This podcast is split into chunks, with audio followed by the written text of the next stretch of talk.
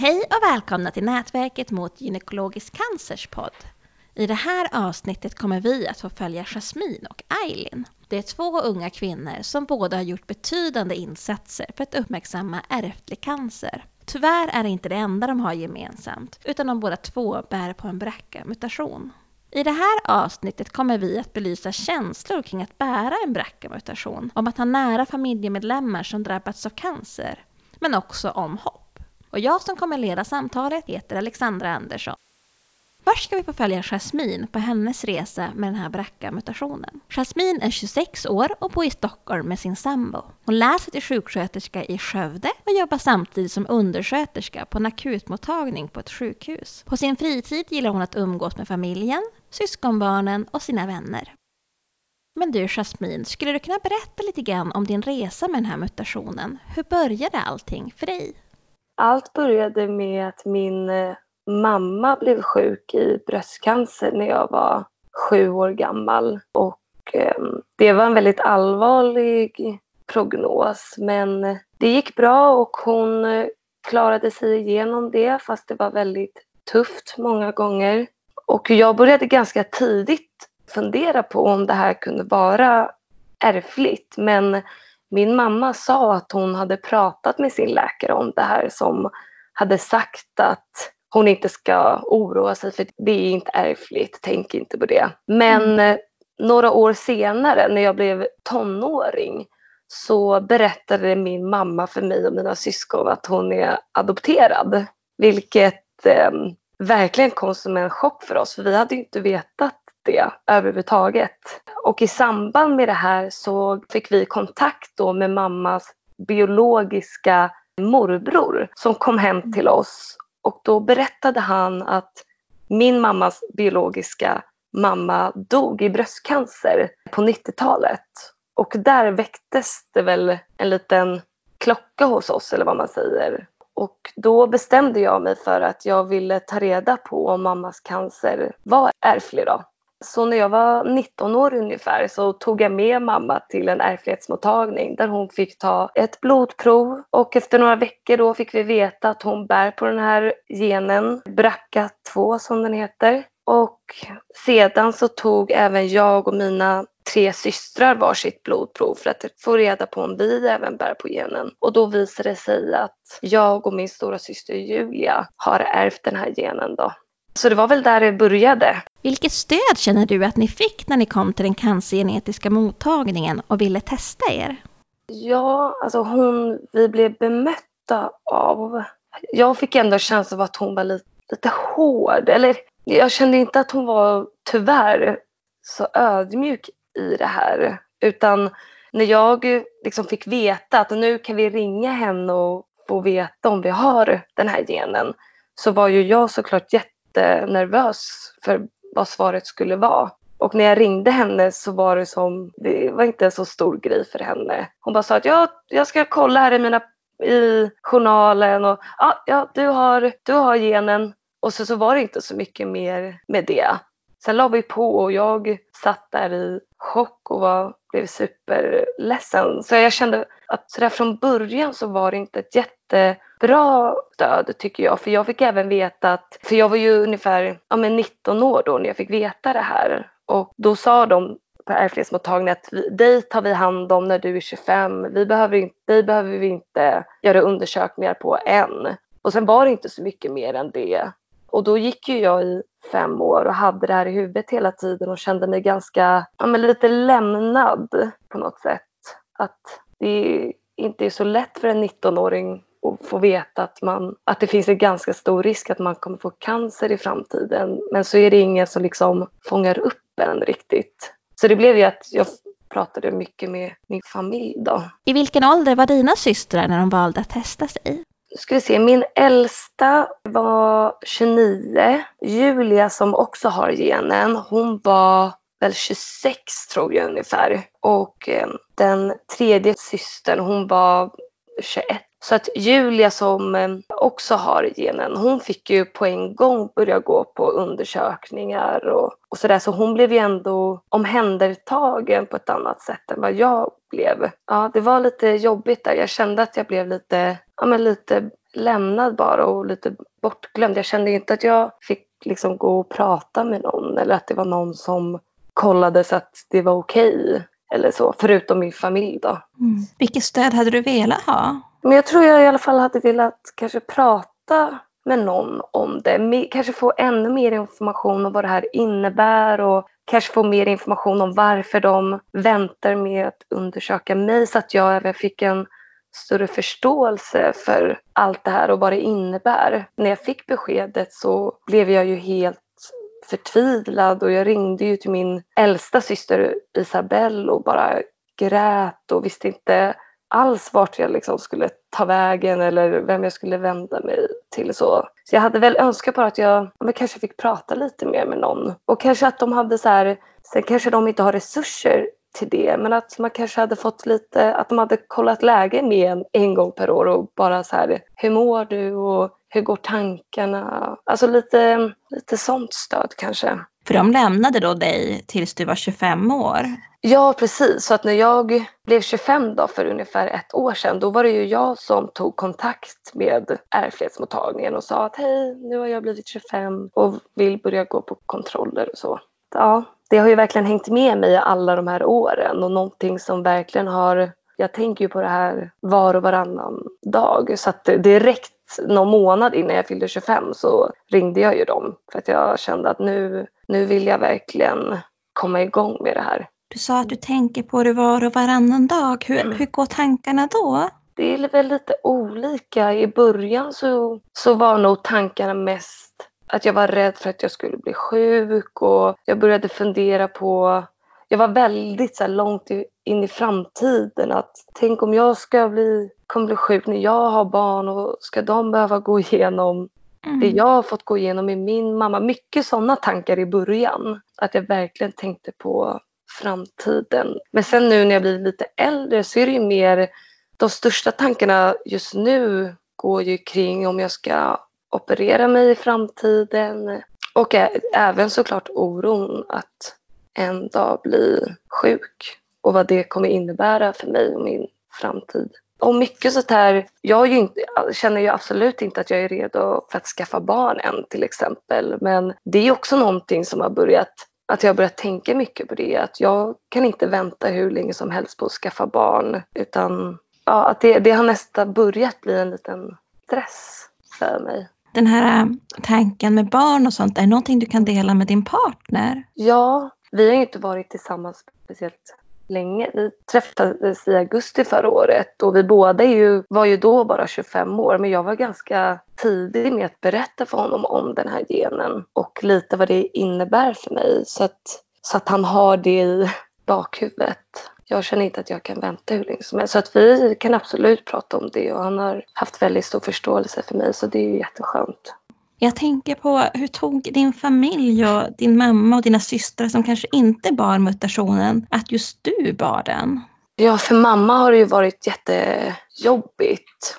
Hon känner ju att hon har att det är hennes fel, vilket det såklart inte är. Men så hon har ju såklart varit jätteledsen för det och tycker det har varit jobbigt. Och hon är ju väldigt mån om att när jag ska på undersökningar till exempel. Hon är väldigt mån om att ringa och kolla hur jag mår innan och vill gärna att jag ringer efteråt och berättar hur det kändes. Och, och mina två andra systrar då som inte har det, de har nog också känt lite samma sak. Att så här, varför skulle just ni få det? Och det är väl en svår situation för dem att de känner dåligt samvete fast de inte såklart ska ha det det är mycket, mycket tankar och de blir också oroliga såklart att, att jag en dag kanske blir sjuk. Mm. De här kontrollerna som du går på nu, känns det som mm. någon trygghet eller hur känner du inför dem? Jo, men jag, jag tycker det är jätteskönt att jag har eh, kommit igång med mina undersökningar. Nu har jag ju gått på dem i ungefär ett års tid och jag tycker att det är jätteskönt. Samtidigt blir jag väldigt känslosam varje gång jag ska på en undersökning. För att det känns så, på något sätt så sjukt att jag som 26 år som egentligen har hela livet framför mig går på flera kontroller om året för att ta reda på om jag eventuellt har cancer. Det är, det är mycket känslor som uppstår inom mig när jag när jag mm. går dit. Men jag är samtidigt såklart väldigt tacksam och, över att jag har fått den här möjligheten. Det känns betryggande att få gå dit och, och göra det. Du nämnde det här med tacksamhet. Finns det någonting som den här, det är kanske en liten knasig fråga, men finns det någonting som den här mutationen kanske har fört med sig någonting positivt? Ja, alltså det har det. Och det, var, det är väl framförallt att när vi fick veta det här, att mamma har den här genen, så bestämde hon med sina läkare ganska snabbt att hon ska ta bort båda sina bröst och att hon ska ta bort sina äggstockar. För att hon, hon tog bara bort en liten tårtbit när hon var sjuk, där när jag var sju år gammal. För de berättade då också att det finns en stor risk att, att man får tillbaka cancern om man inte tar bort brösten och eh, äggstockar och så. Och det är ingenting som hon hade tänkt på att göra om vi inte hade tagit reda på det här. Och innan hon skulle göra de här operationerna så gjorde hon en kontroll på hela kroppen innan då, som de ville göra för att se så att allt såg bra ut. Och då visade det sig ju att hon hade fått tillbaka cancer i bröstet. Och de hittade även en tumör i hennes njure. Och det är ju sånt som vi aldrig kanske hade upptäckt om vi inte hade gått igenom eller fått veta att vi har den här genen. Det i bröstet kanske man hade upptäckt om något år men, men tumören i njuren hade vi kanske aldrig fått veta innan det kanske var för sent. Så att på det sättet är jag ju jättetacksam över att vi har gått igenom allt det här och att vi faktiskt har fått veta att vi bär på den här genen. Hur mår din mamma idag? Jo, men hon mår bra idag. Hon blev sjuk igen då 2015, så det är fem år sedan. Men hon är, hon är frisk idag och eh, hon mår bra. Det här med förebyggande åtgärder och operationer, är det någonting du har tänkt på? Ja, jättemycket. Väldigt, väldigt, väldigt mycket. Och från början när jag fick veta det, då var jag direkt så här, jag vill ta bort mina bröst på en gång. Jag vill inte ha dem där. Det, känns ju, det kändes ju på något sätt som att de var två tickande bomber nästan. Men det blev ju också så eftersom att det, det blev en sån chock och jag fick sån panik och kände, för mig kändes det ju nästan som att få ett cancerbesked där och då. Så jag ville ju bara på en gång, nu vill jag ta bort mina bröst så fort det går så, så att jag minskar risken. Men sen när jag pratade med läkarna så fick de mig väl att tänka om lite och sa att det är ingen stress du behöver inte göra det här än. Men sen idag så känner jag fortfarande att jag en dag kommer vilja ta bort mina bröst och säkert äggstockar också. Men jag vill gärna få barn först och kunna amma tror jag innan jag vill operera mig. De här tankarna med kirurgi och så, är det någonting du fått prata med ärftlighetsmottagningen om? Inte jättemycket. På mitt första möte på ärftlighetsmottagningen så prat, fick jag träffa en en läkare då, som gick igenom lite vilka undersökningar jag kommer få göra varje år och lite så. Vad det innebär nu för mig framöver. Alltså det var väldigt, väldigt kort om operation och hon, hon var väldigt så här, det där tar vi liksom om flera år, vi behöver inte tänka på det än. Det har inte varit speciellt mycket prat om det hittills. Det är nog mest jag som går runt och tänker på det. De här tankarna och grubblerierna som du har, finns det någon som du kan dela dem med? Jag har väl känt lite både och. I vissa stunder så känner jag mig väldigt ensam i det här och att jag tror att det är väldigt svårt för folk att förstå. Men jag har ju fortfarande min mamma och min syster som befinner sig i exakt samma situation. Så att de kan jag ju alltid prata med, speciellt kanske mamma då. Jag kan prata med henne och fråga hur hon har känt eftersom att hon har opererat bort både bröst och äggstockar nu då. Hur hon har mått och om det känns som ett bra beslut och, men hon är samtidigt också så här att hon tycker inte att jag ska skynda med någonting utan att hon verkligen tycker att jag ska tänka efter. Inte att det är något beslut man tar över en natt så. Att det är någonting jag ändå borde fundera på och verkligen känna mig säker på att jag vill göra det innan, innan jag tar det beslutet. Den här mutationen som du bär på, har den påverkat något av dina livsval? Jag tror säkert att det påverkade mig att vilja läsa till sjuksköterska till exempel. Sen vet jag inte om det har påverkat mig eller påverkat några andra livsval så än så länge. Förutom då kanske att jag från att jag gått och tänkt att jag vill inte tänka på barn förrän som tio år. Att jag kanske tänker att jag känner att jag har inte så lång tid på mig. Att jag känner att jag kommer behöva skaffa barn tidigare. Om det nu går, det vet man ju inte. Men sen är det klart man får ju en liten annan syn på livet kanske. Att man verkligen får en litet wake-up call på något sätt. Att livet är skört och man måste lite det här ta vara på det. Och att jag har alltid brytt mig väldigt, väldigt mycket om min familj. Men jag tror att det här har nog fört oss samman ännu mer. Och jag älskar ju att umgås med dem och träffa dem. Och min mamma framförallt är ju verkligen den viktigaste personen i mitt liv. Och det är väl sånt som kanske har blivit mer självklart för mig efter allt mm. det här som har hänt. Du var ju i princip tonåring när du fick reda på det här. Hur kändes det att ta med sig det här i tonårslivet? Nej men det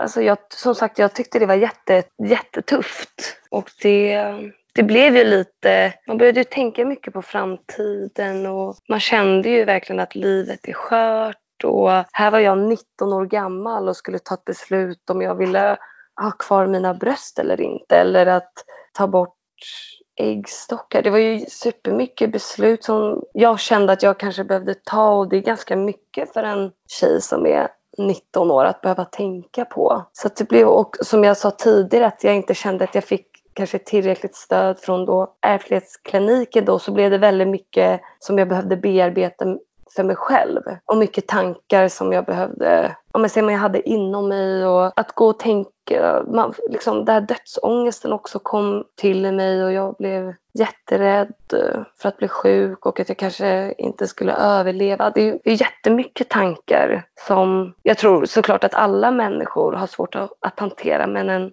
19-årig tjej kanske är lite extra kämpigt för. Ångrar du någonsin att du testade dig så tidigt? Nej, jag gör nog inte det. Det var ju jag som drog igång hela den här processen och jag var så himla bestämd med att jag verkligen ville veta och nu har jag ju kunnat då sätta igång så fort jag blev 25 annars så kanske jag hade väntat tills nu och så tar det ett tag innan man får veta och, jag känner ju, jag har ju varit på vissa läkarbesök som inte handlar om den här genen men att läkaren också tar mig verkligen på allvar också när jag berättar om den här genen och gör kanske extra undersökningar om jag varit hos gynekologen till exempel och så. Så det tänker jag också har varit jättebra med att jag fick veta det tidigt. Att jag har kunnat informera läkare om det. De har kunnat göra undersökningar och bara ha, ha lite extra koll och så. Innan vi spelade in den här intervjun berättade du om en situation angående den här genmutationen som skrämde dig. Skulle du vilja berätta lite grann om det? Nej, men det var ju en situation här för ett tag sedan som jag var med om som också gav mig lite en ännu större förståelse för hur allvarlig den här genen kan vara. Jag hade varit hos en gynekolog som hade hittat blodfyllda cystor i mina äggstockar. Och, ehm, för jag var på akuten först då för att jag fick ont i min mage. Och där upptäckte de då att jag har cystor i mina äggstockar. Och då berättade jag för den här kvinnliga läkaren som jag hade då att bara så du vet så bär jag på BRCA2 och det kanske är bra för dig att, att veta det. Och då direkt så såg jag hur hennes ansiktsuttryck förändrades och blev helt plötsligt väldigt allvarligt. Och då sa hon att okej, okay, eh, men då, då vill jag att du ska komma tillbaka hit om några dagar igen och träffa min kollega som är specialist. För jag vill att han ska kolla på det här. Och jag kommer även vilja att du tar eh, tumörprover för att vi ska ja, se hur de värdena är jag blev ju jätterädd och orolig och var ju inte alls beredd på det när jag åkte in till akuten för att jag hade ont i min mage. Så det var ju, jag tror att jag åkte till läkaren igen fem dagar senare och de fem dagarna var ju fruktansvärda. Jag har inte varit med om tidigare att verkligen känna det här att, att man fruktar lite för sitt liv. Att jag var så himla orolig över vad nästa läkare skulle berätta för mig. Och um, jag kom dit då fem dagar senare och hade med mig min bästa tjejkompis Kristel som stöd för jag kände att jag klarar inte av att gå dit ensam. För jag är så pass rädd att han ska komma med dåliga besked. Så att hon följde med mig dit och hela det här mötet med läkaren börjar med att, att han säger att jag vill vara ärlig med dig Jasmine men det här ser inte bra ut. Dina tumörprover som du har tagit är rejält förhöjda eh, och med tanke på att du har den här genen så blir jag väldigt orolig. i den liksom, de sekunderna efter det jag blev liksom helt, det var ju som att liksom golvet försvann och att jag föll hundra meter och blev helt liksom kallsvettig och jag kollade på min bästa tjejkompis och hon kollade på mig och vi båda var så här, vad är det som händer nu? Är det nu jag får det här cancerbeskedet som jag har varit orolig över i ja, fem års tid. Men så gjorde den här läkaren en gynundersökning, då, ett ultraljud på mig. Och det pågick ganska länge. Och han var väldigt så här, tyst i början och jag låg där och var helt skakig och liksom verkligen fick kämpa för att hålla tillbaka tårarna. Och sen efter kanske en halvtimme så sa han att så här, vet du vad Jasmine, jag tror inte att det här är tumörer utan jag tror att du har endometrios som är ja, en sjukdom som kan vara ganska besvärlig men inte är något farligt. Mm. Och då blev jag ju såklart jättelättad. Men så var han ändå så här, men jag vill ändå att du kommer tillbaka till mig om en månad för att jag är inte helt säker eh, på den här diagnosen. Så jag vill att du tar nya prover och att du kommer tillbaka hit så ska vi kolla på hur, hur de ser ut. För att han var så här, alltså just de här systrarna, att de såg lite, ja, tumörer och syster kan ju se lite olika ut men han var liksom inte helt säker på om det bara var syster eller om det var någonting mer elakartat då. Och efter det besöket så var jag ju helt, ja det var, det var jättetufft och eh, nästa besök då var jag ju jätteorolig igen. Även om han hade sagt att han trodde att det var det här endometrios så var jag ju jätte, jätteorolig. Och, men nu har jag varit hos honom några gånger och jag var faktiskt där förra veckan och då kunde mm. han med all säkerhet säga att det inte är eh, några tumörer utan att det är det här endometrios som det kallas som inte är något farligt eller har någonting med tumörer att göra. Så att, eh, det var ju jätte, jätteskönt att få, få det beskedet. Men det var några veckor där som var riktigt jobbiga. Och att jag om sådär, för första gången verkligen fruktade för, för mitt liv och var livrädd över att han skulle ge mig ett cancerbesked. Så att det var, ja, då fick man ju igen det här förståelse för vad den här genen innebär. Jag har ju märkt på honom att han verkligen tar det här med genen på allvar och att han ja, han vill ju fortsätta träffa mig regelbundet nu för att han vill ha extra koll på mig. Och det är bara för att jag har den här genen. Annars så sa han att då hade jag släppt dig nu. Men just på grund av att du har den här genen så vill jag att du fortsätter komma hit regelbundet fram tills att ja, de på ärftlighetsmottagningen tar över dig. Då. Eh, så det är ju jätteuppskattat att man träffar en läkare som verkligen tar en på allvar och bryr sig. Jag vet ju att allt som du har gått igenom med tanke på den här mutationen och din mammas sjukdom har gjort att du velat uppmärksamma ärftlig cancer. Du gjorde ju till exempel ett mycket uppskattat inlägg på Facebook som ledde vidare till fler arenor. Skulle du vilja berätta lite grann om det? Innan jag skulle börja göra de här kontrollerna så det, hade jag så mycket tankar så då skrev jag ett inlägg om det här och fick mm. ju så enorm eh, respons. Så att mm. jag och min mamma gjorde ju en kampanj med Cancerfonden förra hösten där vi spelade in lite och jag var, jag var med på även på Nyhetsmorgon i höstas och pratade lite lite om det och så. Ja, ditt engagemang är ju fantastiskt. Tusen tack för allt du gjort och allt du gör. Vill du ta del av Jasmins besök på Nyhetsmorgon så finns det en länk i beskrivningen av det här poddavsnittet. Jasmine, är det någonting du tänker att det här vill du skicka med dem som lyssnar? Ja, jag skulle vilja säga att om man känner att man skulle vilja gå och kolla sig så tycker jag verkligen att man ska göra det för att det finns sådana möjligheter då. Att kunna testa sig i tid, att kunna upptäcka cancer i tid och kunna bota det. Och det jag tycker att det, att det är superviktigt att man kollar upp sånt här så att man kan förebygga och åtgärda om det skulle mm, vara någonting. Och att jag tror att det är jätteviktigt att man får prata om det för att man blir väldigt ensam i den här situationen och att man inte ska vara rädd att prata om det med sina ja, men nära och kära och berätta hur man känner för att det är viktigt att de får en förståelse för vad det är man går igenom. Så jag skulle säga prata med dina närmsta. Tusen tack Jasmine att du ville dela med dig av din resa med denna genmutation. Nu ska vi få lyssna till Eileen som också lever med en BRCA-mutation.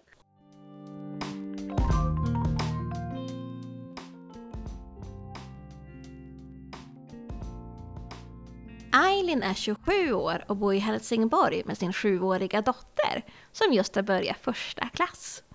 Eileen jobbar som säljare på sin fritid gillar hon att titta på aktiviteter med sin dotter och att umgås med familjen och sina vänner. Eileen, skulle du kunna berätta lite grann om din resa med den här genmutationen? Ja, det började med att min mamma fick eh, trippelnegativ bröstcancer 2017 och då blev hon ju kallad till den här genetiska mottagningen, tror jag det heter, i Lund. Och där då, då testade de henne då om det var så att hon var brackabärare och det var hon.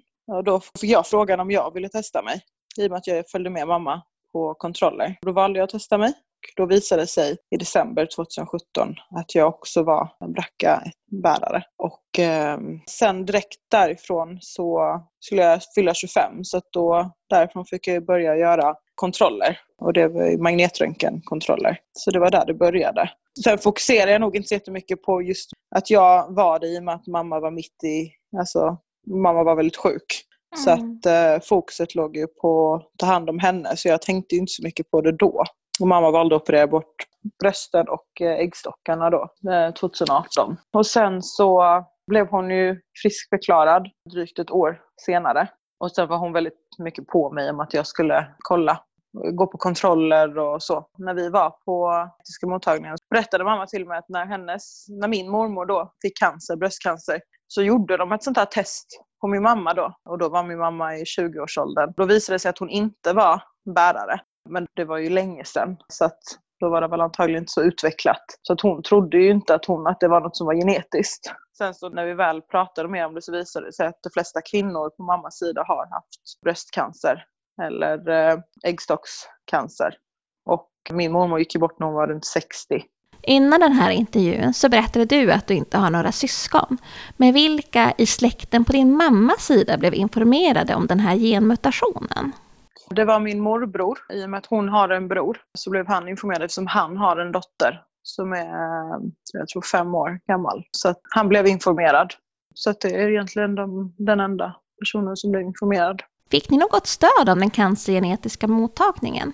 Ja, alltså det fick vi. Vi pratade ganska länge. Kvinnan där som, så gick vi igenom det ganska mycket och jag kände att jag fick rätt så mycket stöd. Mamma gick, trivdes ju att gå dit och även prata då och inte bara gå på kontroller. Mamma mådde väldigt dåligt över att det hade förts vidare till mig. Hon hade mycket ångest och mådde väldigt dåligt över det. Och jag tog det inte så hårt som hon gjorde. Så för mm. henne har det nog varit mycket svårare. Eller det var mycket svårare för henne än vad det var för mig egentligen. Kunde ni prata någonting om det? Ja, vi pratade väldigt mycket om det faktiskt. Och jag valde ju att uh, operera mig, då operera bort brösten rätt så snabbt. Men i och med att mamma var ju väldigt sjuk samtidigt så blev det för mycket så jag valde att avboka operationen. Mamma blev väldigt ledsen då men jag kände liksom att det blev för mycket. Det var svårt att finnas som stöd och samtidigt gå igenom det själv, en sån stor operation. Så att eh, jag valde att avvakta och se hur mamma mår först och främst. Och sen så var hon ju frisk i cirka ett år. Hon fick trippelnegativ bröstcancer när hon var 45.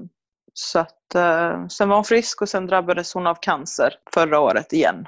Hur mår din mamma idag? Hon gick tyvärr bort 18 november 2019. Hon fick lungcancer maj 2019 och sen så valde hon att inte ta cellgifter eller så. Så att eh, hon försökte kämpa så gott hon kunde med strålning och så. Eh, och så spred det sig till huvudet eh, och resten av kroppen. Så att hon gick bort då. Och då lovade jag, då lovade jag mamma att, att jag ska ta kontakt med genetiska mottagningen och boka en tid för att operera mig i Malmö då, hos plastikkirurgen. Jag beklagar verkligen Eileen. Har du genomgått den operationen idag? Nej, jag ska genomgå den här i denna sommar nog.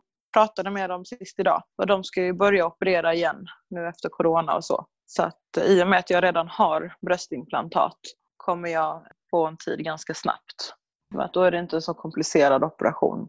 Så att jag har ju en eh, magnetröntgentid Eh, i juli och sen så opereras jag nog i augusti-september skulle jag tro. Men det låter som att allting har gått väldigt snabbt från att mamma var så sjuk och mamma gick bort och sen att du tar kontakt med genetiska mottagningar. Hur har allt det här känts för dig?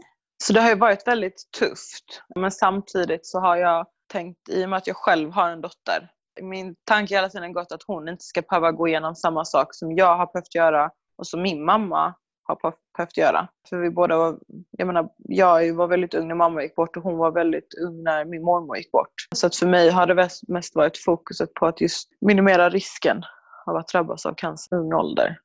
Såklart det har varit tufft men eh, det är något, jag är väldigt lycklig över att jag får möjligheten att, att kunna operera mig och gå på kontroller varje år. Har du fått börja med gynekologiska kontroller? Nej, inte än. Eh, den informationen jag har fått av läkaren är ju att det ska jag börja med när jag fyller 30. Hur tänker du kring mm. förebyggande operation av äggstockar eller så? Har du funderat mm. någonting kring det redan eller är det för tidigt? Det har jag absolut funderat på och det är någonting jag kommer vilja göra också.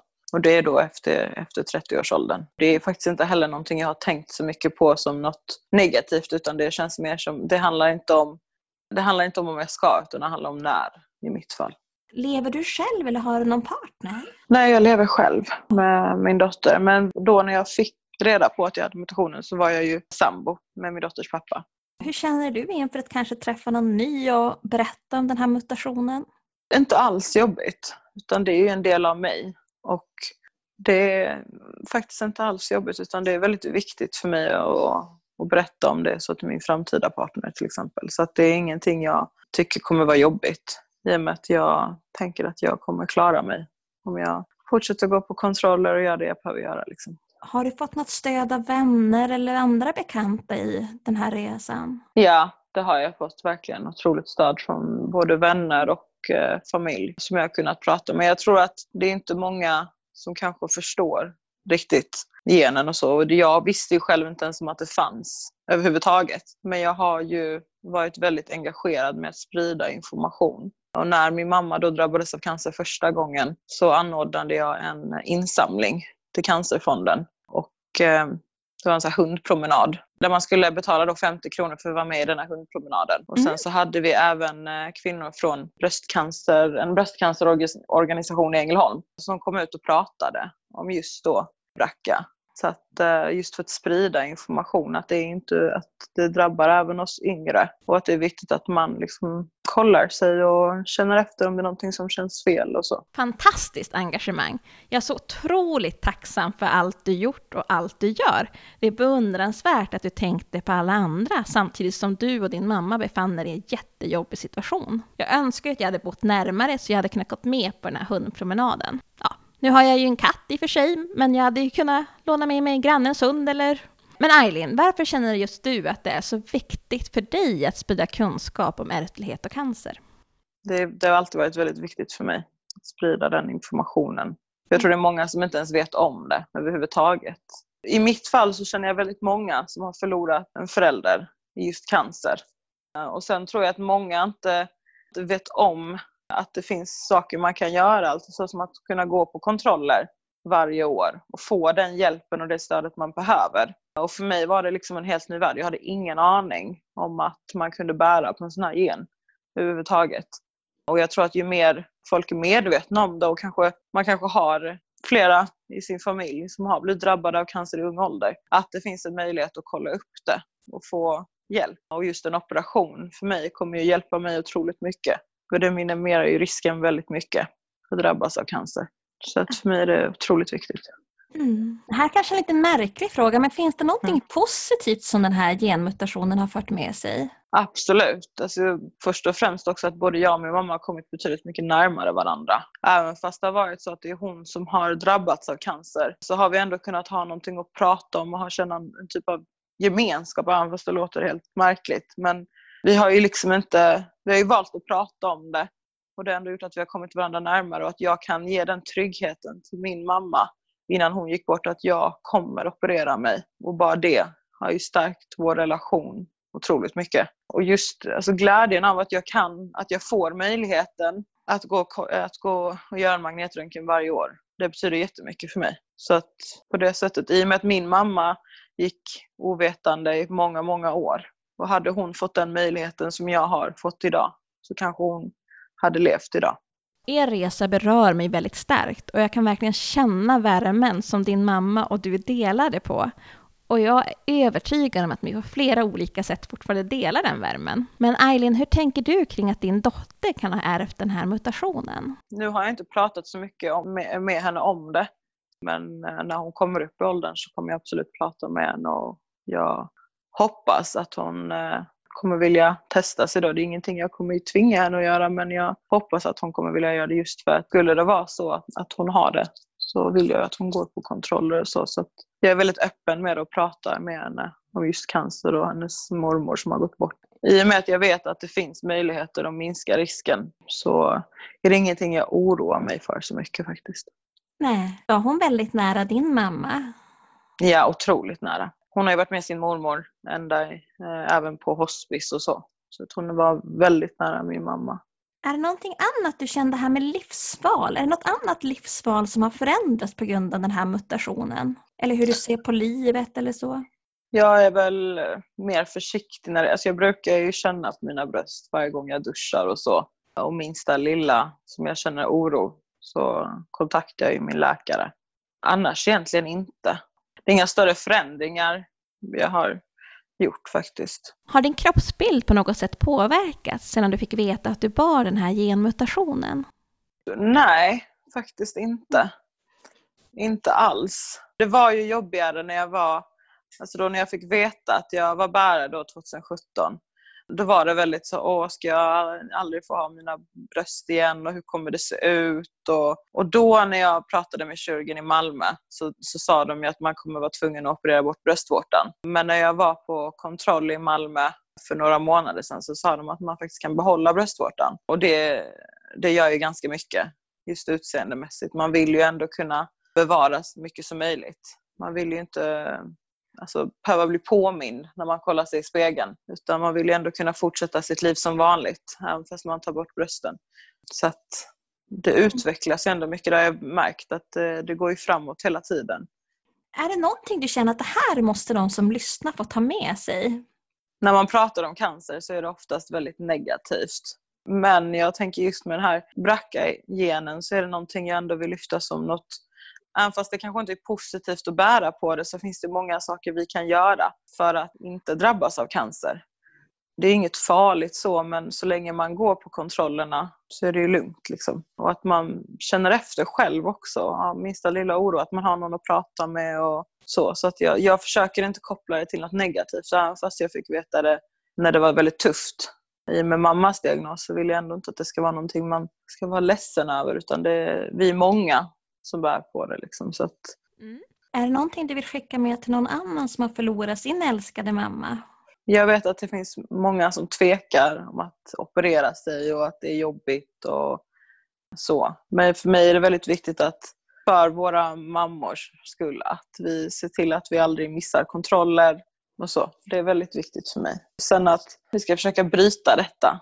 Se till så att man gör det man kan. Sen det är ju väldigt tufft, det, det är det, att förlora en mamma. Men att man ska verkligen ta vara på den tiden man har och finnas mm. som stöd. Vi har ju all tid i världen att gå på kontroller och så. Men jag valde att släppa det för mammas skull när hon var sjuk. Det är mycket lättare att ta tag i det efteråt på något sätt.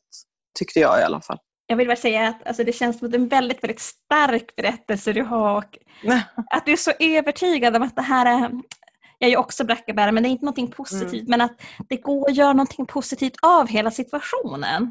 Exakt. Man måste nästan tänka, eller jag, jag försöker hela tiden ha den inställningen. Det är ingenting vi kan, vi kan ju inte, vi kan inte ta bort det men vi kan ju göra väldigt mycket för att inte drabbas av eh, cancer. Och att det här kanske är det finaste vi kan ge våra mammor som har drabbats. Ja, verkligen. Det var allt vi hade för den här gången. Och nu hoppas vi att ni alla vill vara med i kampen mot gynekologisk cancer, för det är tillsammans som vi är starkast. Och tusen tack Eileen och Jasmine att ni ville dela med er av era resor.